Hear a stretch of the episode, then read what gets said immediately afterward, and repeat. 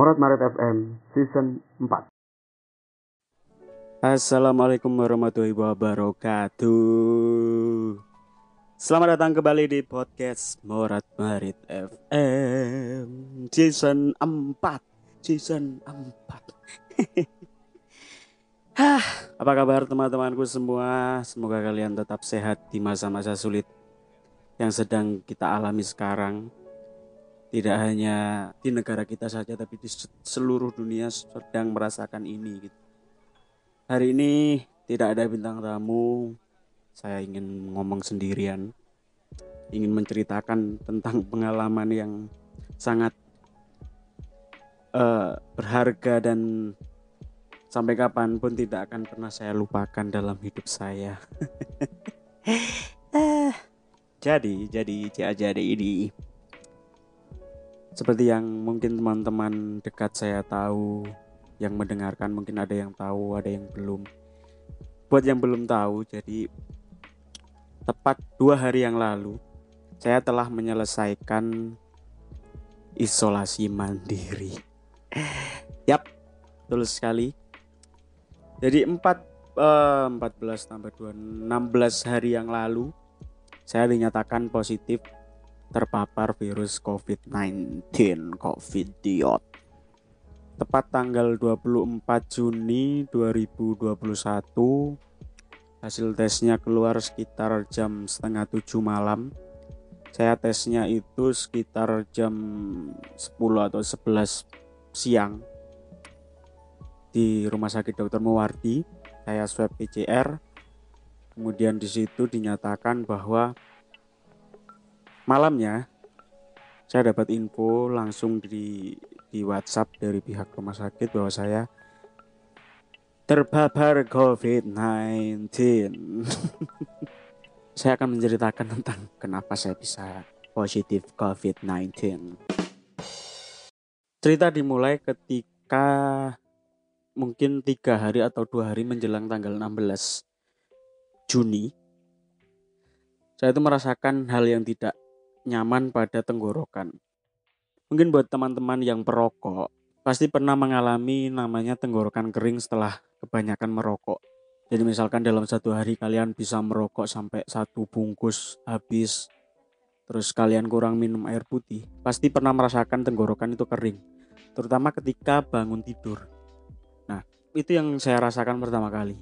Tenggorokan kering karena kebanyakan merokok ini bukan sekali dua kali saya alami gitu Terlebih uh, pada beberapa jenis brand rokok itu memang terkenal efek yang seperti itu. Tapi anehnya pada saat itu tenggorokanku kering, kering banget.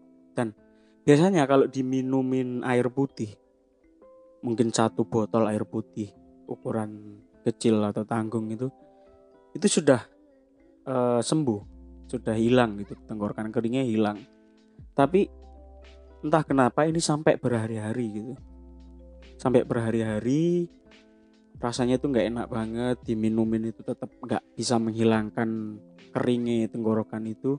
Tapi yang namanya perokok aktif kan pasti sehari nggak ngerokok kan gak enak gitu. Ya wes akhirnya semakin ke sini semakin ke sini rasanya kok tambah tambah gak enak tenggorokan gitu kan.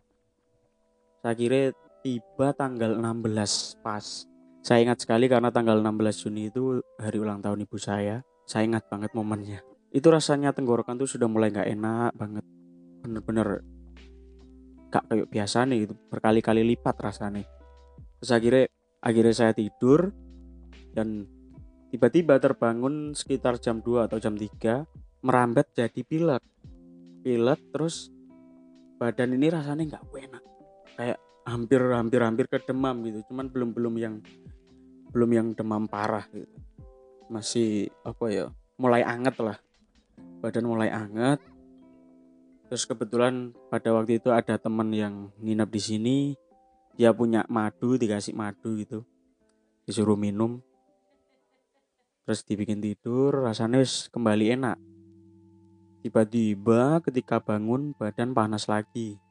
Panas lagi terus tenggorokan tambah menjadi-jadi imbasnya nafas mulai panas terus makan itu mulut pahit itu berlangsung beberapa hari dan jadi demam. Nah, demam ini aneh. Demam ini terjadi hanya ketika malam hari. Tapi ketika siang, pagi gitu, demamnya hilang. Tubuh itu nggak panas. Lidah pahit itu masih terasa, pusingnya masih terasa, pileknya masih ada. Cuman demamnya itu terjadi cuma di malam hari dan ketika tidur. Makanya setiap kali tidur pasti jam-jam 1 jam 2 malam itu pasti kebangun gara-gara panas sih banget gitu. Panas di terutama di daerah leher sama bagian kening bagian kepala. Itu terjadi sampai satu minggu puncaknya mual. Mual yang benar-benar parah. Jadi dimaemin mual diminumin mual didiemin mual Bahkan ketika demam itu datang, tidur pasti terbangun karena mual. Nah, jadi karena mual, mual, mual, mual, akhirnya udah merasa nggak kuat. Pada waktu itu eh, sekitar subuh ya, subuh kebangun karena bener-bener mual, muntah-muntah sampai aku nyediain ember besar itu untuk untuk naruh muntahanku itu karena saking bener-bener nggak -bener kuat jalan ke kamar mandi capek. Ditambah lagi badan bener-bener panas banget. Ya saya kira nekat subuh itu setelah sholat subuh aku nekat pergi ke klinik ke Solo Peduli. Tapi ternyata Solo Peduli tutup.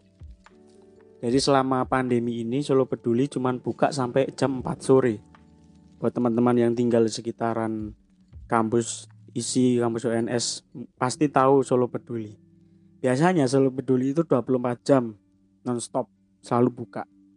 Tapi karena pandemi itu tadi ya. Ya saya kira ke sana ternyata masih tutup, terus bingung kan nyari klinik terdekat ternyata semua tutup. Akhirnya nekat ke rumah sakit Dokter Muardi. Di Dokter Muardi ternyata kondisinya benar-benar wah di, di, di tahu. Horor banget cok sumpah. Ketika masuk ke rumah sakit Dokter Muardi, langsung dihadapkan dengan pemandangan sebuah tenda dengan tulisan BNPB yang sangat besar dan ternyata itu adalah tenda darurat untuk para pasien yang belum kebagian kamar. Jadi masih istilahnya waiting list kamar gitu. Dan di situ isinya orang-orang orang-orang sakit, orang-orang habis kecelakaan, orang positif Covid dan lain sebagainya. Dan waktu itu aku langsung ke IGD tanya ke apa bukan resepsionis ya kayak dokter gitu.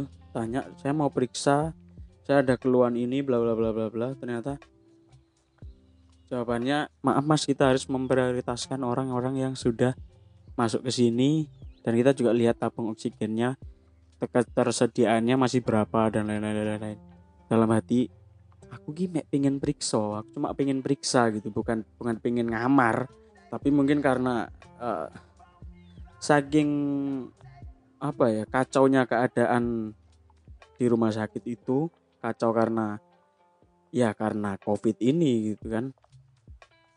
Akhirnya membuat pelayanannya jadi kayak kayak kebingungan gitu loh padahal ki uang uang ini pengen periksa biasa nggak nggak ceng pengen dirawat enggak gitu. Tapi mereka mengiranya saya pengen dirawat dan lain sebagainya. Ya wes akhirnya nggak nemu jawaban akhirnya pulang. Pulang nunggu sampai jam 8 pagi. Nunggu Solo Peduli buka jam 8 pagi akhirnya berangkat ke sana ke Solo Peduli. Sudah masuk sudah ditanya-tanya terus setelah mengaku ada ada keluhan anosmia kehilangan penciuman. Nah sorry. Jadi sebelum itu eh, beberapa hari sebelumnya memang sudah merasakan kehilangan penciuman. Kayak pas malam gitu ya malam pas mau makan atau ngapain gitu. Mau nyium aromanya kok kok gak ono ambune kok gak ada baunya gitu. Saya kira ngabarin keluarga di Surabaya ternyata benar kehilangan kehilangan penciuman gitu. Dan namanya anosmia kehilangan penciuman sama nggak bisa merasakan makanan. Nah kembali ke Solo Peduli. Setelah ditanya-tanya dan saya mengaku mengaku mengalami anosmia, mereka memohon maaf tidak bisa menangani karena nggak punya obat nggak punya obat untuk anosmianya terus mereka menyarankan saya untuk ke puskesmas Ngoresan. Karena di area sini memang puskesmasnya cuma satu di Ngoresan setahu saya. Dan mereka mengarahkan ke sana. Akhirnya saya ke sana antri. Terus ketika sudah sampai ke antrian menghadap dokter E. Di dokternya cuma ditensi sama di ditimbang dan diukur tinggi badannya terus akhirnya dari dokter satu ini diarahkan ke dokter yang mungkin dokter kepalanya gitu. Terus ditanya keluarnya apa mas? Saya bilang saya demam mual pilek. Terus anosmia tadi. Nah sama pak dokternya itu tanpa tanpa dikasih pemeriksaan berlanjut beliaunya bilang mas ini kamu suspek covid. Kalau kamu mau ini kita daftarkan swab gratis ini ditanggung pemerintah di rumah sakit Bung Karno. Kamu bisa ke sana sendiri nggak? Saya bilang saya sudah nggak kuat ini saya naik motor ke sini aja udah rasanya bener-bener memaksakan gitu. Terus mereka bilang mereka mau mengcover dengan mengantarkan naik ambulan terus nanti dikabari lagi kalau nggak hari Kamis atau Jumat gitu. Nanti dikabari nanti kamu ke sini pagi-pagi nanti jangan lewat depan lewat belakang lewat parkiran bla bla bla bla bla bla. Nanti kamu nanti diantar ke rumah sakit Bung Karno. Nanti kalau misalkan hasilnya positif kamu harus di karantina di Donohudan di asrama haji. Oke dari situ mulai masuk aku covid ya. Akhirnya ngabari orang rumah kalau aku ke suspek covid terus ngabari teman-teman kampus. Karena pada saat itu mau ada kelayakan pembawaan dan saya salah satu pesertanya. Dan dengan berat hati saya bilang ke teman-teman bahwa saya nggak bisa melanjutkan untuk ikut ujian kelayakan. Saya nggak bisa karena saya ke suspek covid dan harus tes swab dulu untuk memastikan positif atau enggaknya. Akhirnya saya mengundurkan diri terus saya bilang ke banyak orang kalau saya ke suspek dan lain-lain. Akhirnya dari situ mulai banyak dukungan-dukungan doa dan semangat dari teman-teman dari teman-teman kampus dari teman-teman sekolah dari siapa pun itu banyak memberikan dukungan. Saya ucapkan terima kasih yang sudah mendukung saya dan mendoakan saya agar cepat sembuh dan sekarang saya sudah sembuh. Dan setelah itu uh, karena saya merasa ya wes lah nunggu-nunggu dipanggil puskesmas untuk tes swab gitu. Dan ternyata besoknya ketika saya nunggu itu saya udah dikasih obat sebenarnya. Dari puskesmas dikasih obat harus dihabiskan. Ya wes akhirnya sambil nunggu itu besoknya tanggal berapa berarti? Saya tak cekin yang tanggalan. Hmm, Juni. Oh, sekitar uh, hari Rabu ya. Hari Rabu tanggal 23 itu setelah beberapa hari nggak ada info dari Puskesmas mengenai swab ini, tiba-tiba pas pagi itu setelah makan terus minum obat, saya tidur lagi kan. Tiba-tiba kebangun karena benar-benar waktu itu demamnya wes levelnya parah. Bukan lagi demam biasa yang mungkin sekitar 38 dan lain-lain mungkin pada saat itu 40 ke atas lah suhu nih bener-bener panas banget sumpah sampai aku lemes gak bisa ngapa-ngapain terus akhirnya ngabari orang rumah bilang kalau demamku tinggi banget bener-bener tinggi banget terus akhirnya orang rumah nyari bantuan nyari bantuan ke orang uh, ke keluarga yang ada di Solo dan Alhamdulillah ada Om Bagus. Kira dibantu Om Bagus cari ambulan untuk dibawa ke rumah sakit. Telah nunggu se uh, sekitar satu jaman lah. Akhirnya ambulan datang, dirujuklah ke dokter Un. Ternyata dokter Un penuh, nggak bisa nerima. Alasannya bla bla bla bla bla bla bla. Pokoknya kamarnya penuh, nggak bisa nerima pasien lagi. Terus pas dibilang sama supir ini saturasinya api kok maksudnya nggak nggak yang menunjukkan bahwa iki iki harap covid atau lain-lain. Saturasinya bagus dan lain-lain. Terus kalau gitu di swab aja ke Mewardi akhirnya ganti ke Mewardi ke Mewardi sudah dikeluarkan dari ambulan. Saya kira dokter itu datang terus ngomong bahwa ini ruangannya IGD penuh. Kalau mau nunggu di tenda dulu ditaruh tenda. Nanti kalau memang positif covid nanti diisolasi di ruang isolasi kita ada tapi sekarang masih penuh. Nanti kalau pas isolasi nggak boleh ada temen benar-benar harus sendiri dan nggak boleh dijenguk. Wah aku mikir bajingan. Lek sampai positif aku neng isolasi kumpul orang-orang positif yang dengan beraneka ragam background sakit. Maksudnya iya lek mereka positif itu gejalanya ringan pasti kan ada yang diikuti dengan penyakit bawaan. Misalnya sakit paru-paru sakit apalah pasti kan mereka semua parah. Dan kalau misalkan aku diisolasi di rumah sakit wah ini pasti malah mendatangkan penyakit aku yakin gitu. Ya saya kira di swab dulu di swab nunggu beberapa antrian akhirnya di swab selesai terus Om Bagus tanya aku mau nunggu di sini bareng orang-orang positif padahal kamu belum belum benar-benar belum tentu positif atau pulang ke rumah ke rumah hai nunggu hasilnya nanti dikabari lewat WA aku mikir misalnya aku nunggu di rumah sakit ditaruh tenda wah gak bisa daripada daripada kan. Sing awalnya cuma gejala ringan terus tadi gejala berat terus harus dikasih ventilator dan lain sebagainya aduh gak wis.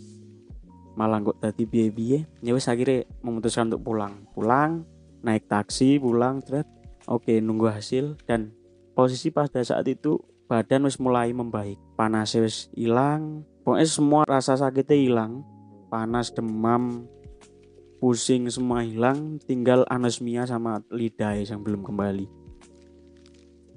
Oke sambil nunggu hasilnya ya wes istirahat di kontrakan terus malamnya tiba-tiba dapat WA dari rumah sakit yang menyatakan bahwa saya positif itu tanggal 24 Juni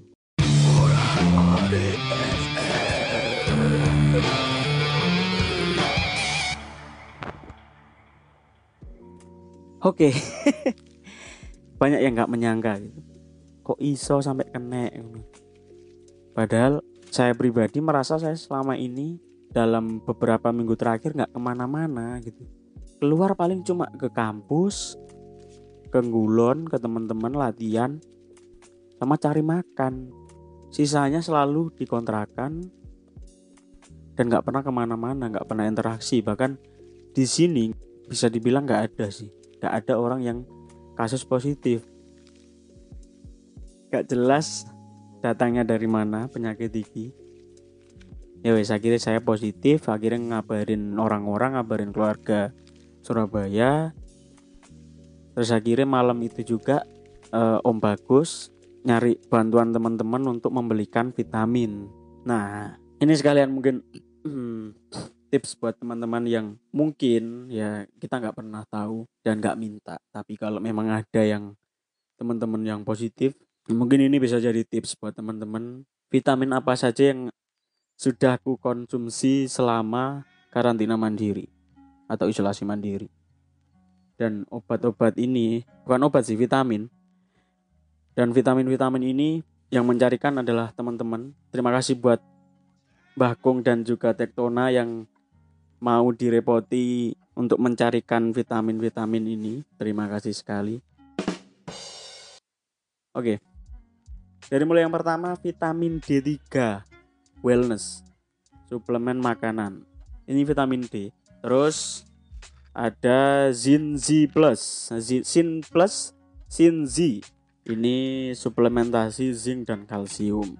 Terus ada Caviplex ini apa ya gitu suplemen makanan kayak juga kayak vitamin lah. Terus imbus vitamin C sama Lian Hua King Wen ini obat Cina. Sama Natur E itu vitamin-vitamin yang dikonsumsi. Terus ditambah sama konsumsi cari buah probiotik. Itu bisa dibeli di e-commerce Shopee dan lain-lain. Sama yang terpenting sebenarnya makan. Buat teman-teman yang mungkin sudah merasakan positif ya pasti pas makan itu ketika kalian isolasi mandiri positif pasti rasanya pas makan itu cuma asin. Asli. Jadi makan apa pun rasanya asin tok wis. Yang paling kuat rasanya ku asin. Pedes mau pedes sepedes apa pun gak kerosok tapi asin sedikit aja. Waduh parah bener-bener parah. Mau rasanya asin mau rasanya apa pun. Yang terpenting sebenarnya makan. Wis toh. Banyak banyakin makan apa pun. Makan yang enak-enak terutama. Karena apa makan enak itu selain memang enak dirasakan juga membantu untuk imun meningkat dan mood membaik. Percaya. Jadi selama aku covid ini, makanku selalu enak, rek. Makan padang, penyetan, geprek. Pokoknya makanan-makanan di GrabFood yang harganya di atas 15 ribu. Entah itu 20 ribu, 25 ribu. Oke, selama aku covid ini kan makannya mesti GrabFood terus kan. Selalu online pesennya.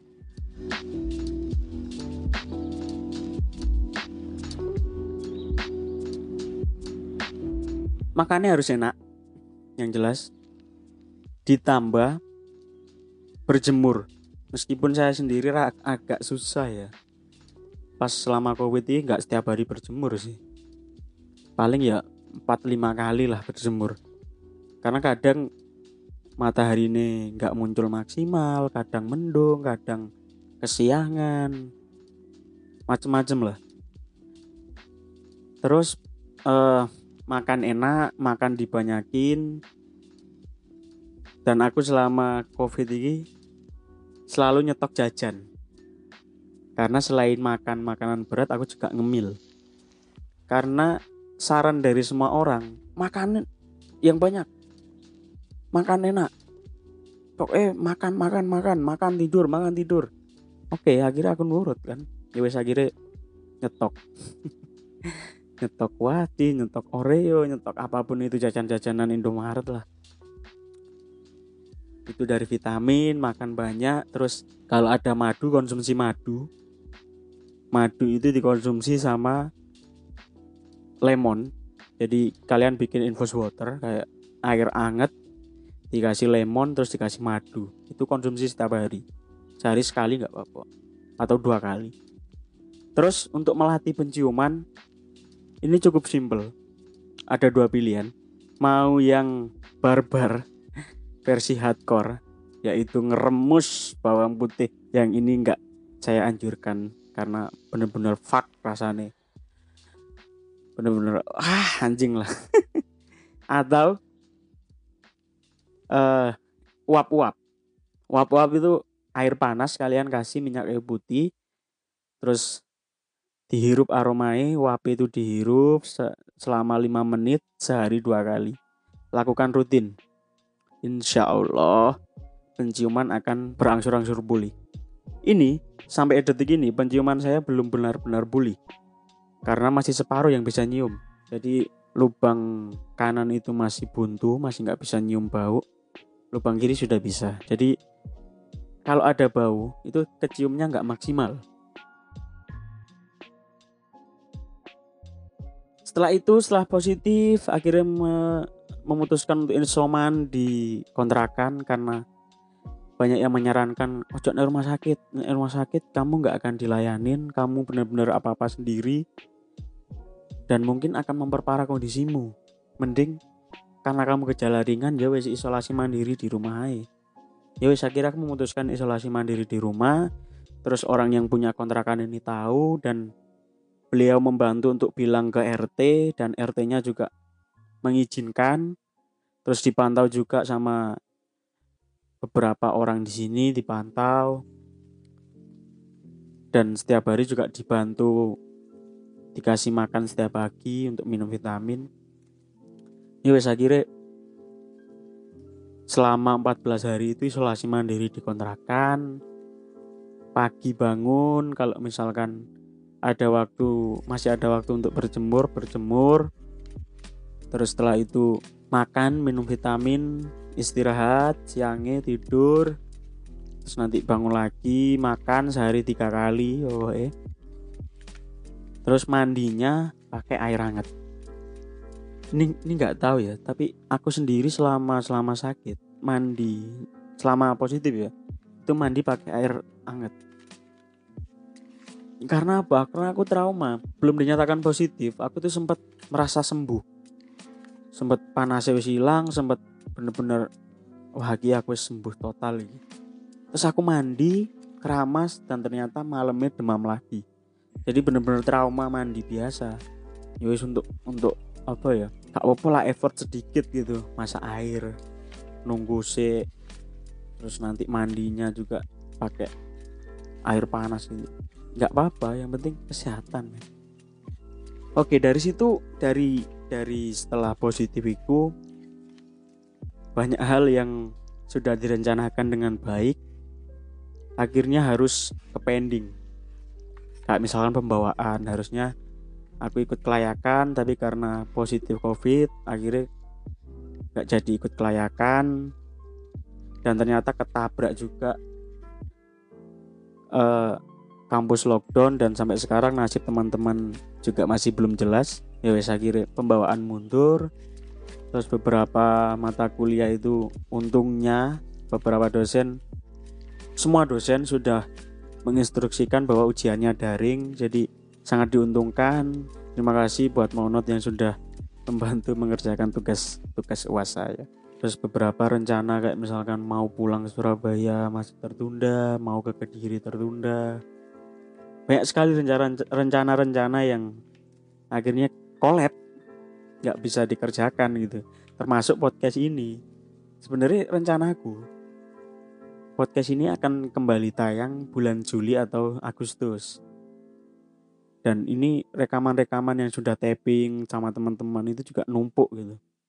Dan belum sempat apa istilahnya belum sempat ke handle karena terkena kopat covid ini.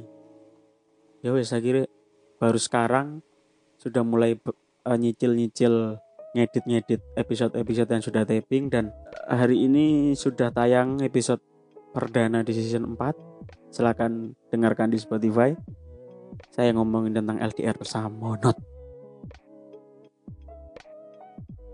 akhirnya 14 hari berlalu dan setiap hari saya update di Facebook tentang perkembangan kondisi saya supaya banyak orang-orang yang apa ya lebih aware dengan kondisi ini. Begini, Rek. Saya tidak ada masalah dengan kalian yang tidak percaya dengan penyakit ini. Tapi tolong, ketika saya sudah menghargai sudut pandang kalian, kalian juga harus menghargai sudut pandang saya sebagai orang yang terkena gitu. Jadi kalian yang tidak percaya, ya wis saya tidak ada masalah dan saya tidak mau membahas ini dengan kalian. Dan semoga kalian tidak terkena dan semoga kalian selalu sehat. Dan buat teman-teman yang percaya ya ini nyata rek. Asli tuh covid itu nyata. Cuman memang ada beberapa dalam tanda kutip yang memanfaatkan momen ini untuk mencari keuntungan memang. Dan banyak sekali orang-orang yang dirugikan dengan adanya PPKM ini. Teman-teman yang kerjanya dagang dan sebagainya banyak yang dirugikan gitu. Tapi terlepas dari itu ini penyakit nyata dan saya sebagai orang yang pernah terkena bilang ke kalian semua bahwa ini nyata dan ini harus diwaspadai. Kalian harus berhati-hati benar-benar berhati-hati. Karena kalau sekali kalian kena ustalah aduh anjing. Mending ya mending. Mending aku mending dikongkon seminggu motoran muter-muter nanti ya wes daripada harus dua minggu di rumah gak ngapa-ngapain. Asli. Dan untungnya alhamdulillah aku ini termasuk yang gejala ringan. Jadi setelah dinyatakan positif kok badan gue sehat. Gak ngerasa nopo-opo bener-bener apa istilahnya pemulihan. Dan saya bersyukurnya di situ. Kenapa saya bilang kalian harus aware? Kita nggak pernah tahu. Yang nggak punya penyakit bawaan mungkin akan mengalami cuma gejala ringan. Tapi buat teman-teman yang punya penyakit bawaan ini yang bahaya ditambah lagi setiap hari ada kasus-kasus orang meninggal gitu loh. Wow. Dan beberapa minggu terakhir banyak berita duka dari orang-orang terdekat yang meninggal karena penyakit ini, karena virus ini. Jadi, ayolah buat kalian yang nggak percaya, ya wes cukup nggak percaya, tapi tolong, tolong banget, jangan karena ketidakpercayaan kalian ini kalian merugikan orang lain yang aware terhadap virus ini. Wah banyak banget wong-wong sing aku gak percaya gitu konspirasi bla bla bla bla bla. Terus akhirnya kena. Nyesel akhirnya. Di samping itu banyak yang dirugikan karena ulah orang bodoh-bodoh ini. Jadi kalaupun kalian nggak percaya ya wes cukup dengan tidak percaya, jangan merugikan orang. Dengan kon gak maskeran, kon nendi nendi, kon gak cuci tangan, wah fakta lah kon. Sampai kayak ngono. Karena aku pribadi termasuk orang yang lalai sebelum kena covid, makanya aku kena covid ini karena aku orang yang lalai, yang abai. Beberapa saat terakhir ketika sebelum positif aku wis mengurangi penggunaan masker juarang maskeran. Masker gue tak gowo buat jaga-jaga kalau ada razia aku tinggal make.